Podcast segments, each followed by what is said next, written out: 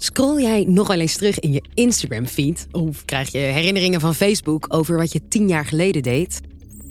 Grote techbedrijven hebben bakken met data over ons. Over ons verleden, maar ook over de toekomst. Sterker nog, dikke kans dat Google nu al weet wat jij vanavond gaat eten. En zelfs of jij in de toekomst een ziekte als diabetes krijgt. Creepy.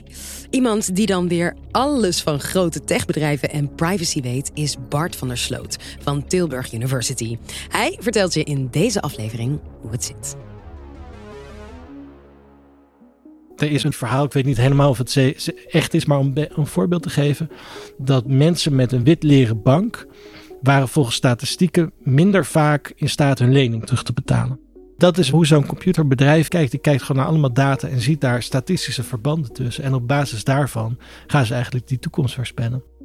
Dit soort bedrijven hebben eigenlijk heel goed inzicht in onze toekomst door een aantal punten bij elkaar te, pakken. Namelijk kennis over onszelf, kennis over alle anderen. We worden daar eigenlijk in groepen gestopt.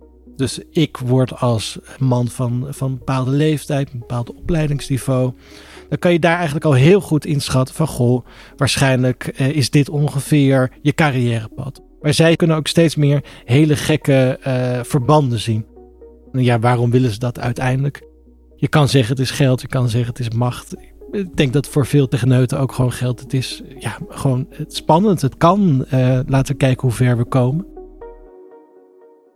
Ze zijn met, uh, met eigenlijk uh, drie fases bezig. We maken altijd onderscheid tussen verleden, heden en toekomst. Vroeger waren er heel weinig databronnen eigenlijk beschikbaar. Misschien een fotoalbum bij je moeder op zolder of zoiets.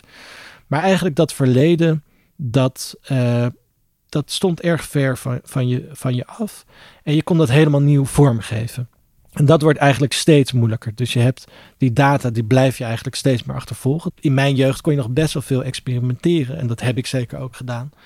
Met identiteit, met rare, rare kleding, rare muzieksmaak, wat dan ook. En ja, dat, daar bestaan geen foto's meer van. Dat, dat weet bijna niet meer, niemand meer. En je ziet nu al gebeuren dat mensen zich heel erg bewust zijn dat ja, er foto's worden gemaakt, filmpjes worden gemaakt. En zich dus gaan beperken in hun experimenteerdrift. En het gevaar is dat je daar dus A, hele statische personen van krijgt, die door de tijd heen heel erg statisch zijn. Maar ook hele eendimensionale wezens, die eigenlijk nooit echt heel erg uit de band springen of hele rare fratsen hebben. Als je kwaad wilt denken, dat doe ik niet, maar er zijn mensen die dat zeker doen. Dan zou je zeggen dat dat voor bedrijven heel makkelijk is. En misschien voor overheden ook wel. Want hele complexe persoonlijkheden zijn heel lastig in kaart te brengen en ook heel lastig te sturen.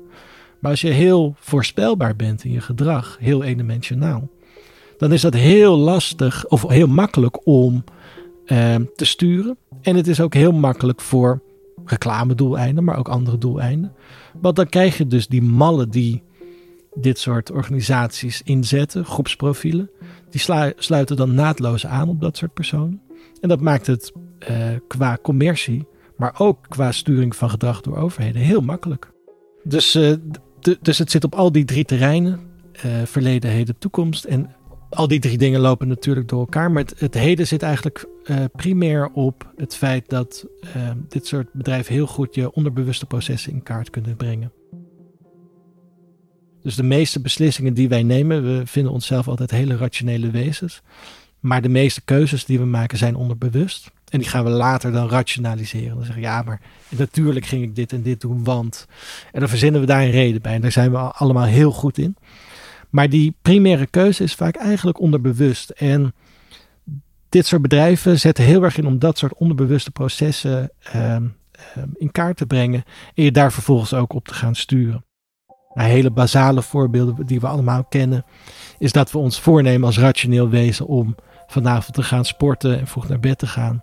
En in plaats daarvan zit je weer met een bak ijs uh, de Netflix-serie te binge-watchen en ga je te laat naar bed. Dat is natuurlijk iets wat Netflix heel erg prettig vindt. Uh, want je krijgt gewoon daar veel meer kijkuren, zit, geef je daar aan. Ehm, en dat zijn hele subtiele processen die zij in kaart kunnen, kunnen brengen. En je ziet ook al daarbij dat, dat er hele gevoelige uh, zaken over je heden uh, kunnen, worden, kunnen worden gezien. Er zijn bedrijven die al best wel ver kunnen gaan. En dat noemen ze dan geen diagnostische apps, want dat mag niet. Daar moet je door de hele keuring van, van medische diensten heen. Maar gewoon fun apps die wel ja, eh, zogenaamd toevallige medische eh, toepassing hebben. En die kunnen eigenlijk al heel veel goede, goede diagnoses maken over diabetes, over ALS, over Alzheimer. Dat kunnen dit soort bedrijven veel eerder zien. Kunnen je daar ook weer mee confronteren. Dus jij ziet jezelf als gezond persoon. Zij confronteren je met reclames over, nou ja, diabetes of wat dan ook. Ook met geaardheid zijn er al best wel veel uh, voorbeelden van. Uh, jongens, meisjes in de puberteit die, nou ja, wel misschien denken, misschien ben ik wel homo of bi of, of transseksueel. Maar daar nog zelf heel erg met dat proces bezig zijn. En dan geconfronteerd worden met reclames of met wil je niet bij deze homogroep of, of wat dan ook horen. Dat rustig aan toewerken naar, naar nieuwe identiteit. Dat op je eigen manier en op je eigen voorwaarden doen. Dat wordt eigenlijk steeds meer ontnomen. Dus je ziet ook daarbij weer dat die, dat die sturing heel erg uh, gaat plaatsvinden. Als zij al eerder weten dan jij. Hè, er was ooit, dat, dat ligt iets complexer, maar een hele rel over dat uh, sommige supermarkten eerder weten dan vrouwen dat zij zwanger zijn dan vrouwen zelf. Door hormonale wisselingen kopen zwangere vrouwen schijnbaar andere eh, shampoo soorten. Ja, dat zijn natuurlijk enorme gevoelige uh, data. En als dat soort essentiële gegevens over ziekte en leven, over geaardheid, over zwangerschap, als dat allemaal in handen komt van dit soort bedrijven, en die hebben daarbij dan ook nog vaak toegang tot nou ja, je verleden. Al die apps die die, die bijvoorbeeld over uh, baby's en, en hoe vaak uh, ze trappelen of niet uh, worden gedownload en gebruikt. Als je dat samenvoegt met elkaar, dan heb je dus een gigantische blik op iemands verleden, heden en toekomst. En dat, is, dat, dat geeft hen een enorme macht om, om identiteit vorm te geven. Ja, je kan, kan van hele gevoelige en, en hele basale dingen voorspelling maken. Wat, wat ga jij waarschijnlijk vanavond eten? Of ja, kunnen we jou een suggestie doen daarin? En jij denkt misschien wel weer, goh, ik ga vanavond ga ik toch eens uh, courgette soep, eten met, uh, uh, met een goede fruitsalade. Maar als jij dan precies door, door een slim techbedrijf die lekkere maaltijd gaat voorgeschoteld krijgt, die jij ja, inderdaad het lekkerst vindt, maar die wel ongezond is. een broodje kebab, ik noem maar wat. Ja, dan is die verleiding heel groot. Eigenlijk alles is mogelijk. En dat gebeurt ook eigenlijk op al die fronten. Dus langer termijn moet je denken aan, aan ziekte uh, en dood, bijvoorbeeld, in meest heftige vorm. En dat is relevant uiteindelijk. Eh, in Nederland zijn er allemaal waarborgen voor, maar in Amerika zie je dat bijvoorbeeld al veel meer gebeuren voor verzekeraars. Zorgverzekeraars, maar ook bijvoorbeeld uh, overlijdensverzekeringen, pensioen, dat soort zaken. Dat is allemaal heel relevant om te weten welke doelgroep je, je verzekert. Uh, in Nederland heb je al zorgverzekeraars die heel erg marketen op bijvoorbeeld hoger opgeleiden. Ja, waarom? Dat is een heel bazaal voorbeeld, maar omdat hoger opgeleiden vaak uh, gezonder leven. Heel simpel. Er wordt heel veel vanuit de burger hier aan meegedaan, gewoon uit consumentengemak. Het is toch makkelijk, het is toch fijn. Um, Amazon die weer het nieuwe boek voorschrijft, of uh, Netflix die weer een gave nieuwe serie heeft. We consumeren het allemaal heel graag. Um, ja, dit soort bedrijven vinden dit natuurlijk een goede ontwikkeling. En toch kan je je afvragen, is dit nou wenselijk? Ik denk dat je heel veel mensen, als je vraagt van, goh, als je dit verhaal hoort, ik denk dat heel veel mensen daar zich heel erg veel bij kunnen voorstellen. Zullen ze denken allemaal zeggen, nee, dat is geen goede, goede gang van zaken. Een nog groter gevaar daarbij, dat is nog echt wat langer termijn, maar dat je je kan afvragen als wij zo heel erg afhankelijk worden van dit soort voorspellingen ook. En je ziet dat al op Netflix of zo. Dat, dat zijn vaak best aardige voorspellingen. Of op bij Amazon welk boekje uh, misschien zou willen lezen. Die kloppen al best wel vaak. Je kan dus een situatie krijgen waarin je zo gewoon bent dat die techbedrijven eigenlijk jou inderdaad beter kennen. Dat je zelf al niet eens de moeite gaat doen om te bedenken van goh, welk boek zou ik misschien willen lezen.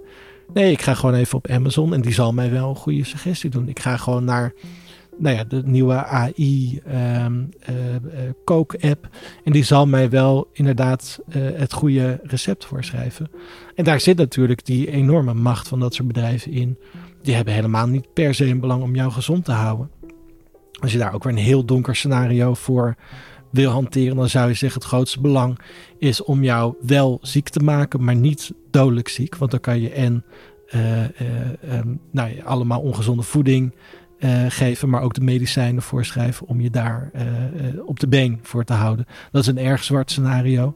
Maar er zit, je moet daar ook weer geen illusies over maken. Dit soort bedrijven hebben natuurlijk niet de, de, de belangen van de burger voor ogen. Die hebben commerciële belangen voor ogen. We zouden kunnen stoppen. Maar die stap maken van dan doen we het niet, dat is op de een of andere manier een te radicale keuze. Als we al die technologie gaan gebruiken, en dat zal voor een deel onvermijdelijk zijn, dan zullen we moeten zorgen dat we dat hier deels zelf in handen hebben en ook aan onze eigen waarden, normen en regels laten voldoen.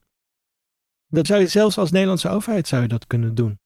Het is niet heel erg lastig om een cloud zelf op te zetten. Het is niet heel erg lastig om een alternatief voor Twitter te bedenken of voor Facebook. Het Twitter is gewoon een tekst, tekstje die je aan elkaar kan linken of met andere personen kan delen. Dat is geen rocket science. Je zou daar uh, uh, ofwel als, als, als EU ofwel als Nederland dat kunnen financieren. En ik denk dat we dat de meeste mensen en ik ook wel enige aarzeling hebben als dat dan in handen zou zijn van de overheid. Maar je kan best zeggen, we, we stellen daar geld voor beschikbaar of techneuten. En dat komt dan in een aparte stichting te staan zonder commercieel oogmerk. Ehm, en dat is gewoon in het publiek belang om zoiets te doen. Dus niemand kan daar de data van, van krijgen. En dat is ook niet op een commercieel uh, oogmerk gebaseerd. Dus dat zou denk ik een, een grotere ontwikkeling zijn waar we over zouden kunnen nadenken. Dus ik heb geen oplossing van, nou, als je nou maar dit regeltje aanneemt of dat doet, dan, dan uh, komt het goed. Maar ik denk wel dat we dat debat over, bijvoorbeeld de wenselijkheid van techniek, dat wij over tien jaar, zeg maar, dat we niet zoals we bij sociale media hebben gezien, dat we pas na tien jaar denken, oh, potjandori, uh, het gaat helemaal mis met de misinformatie, met cyberbullying, met uh, deepfakes, noem maar wat op, met kinderporno verspreiden. Um, maar dat we dat voor zijn, dat we gewoon die problemen voor zijn.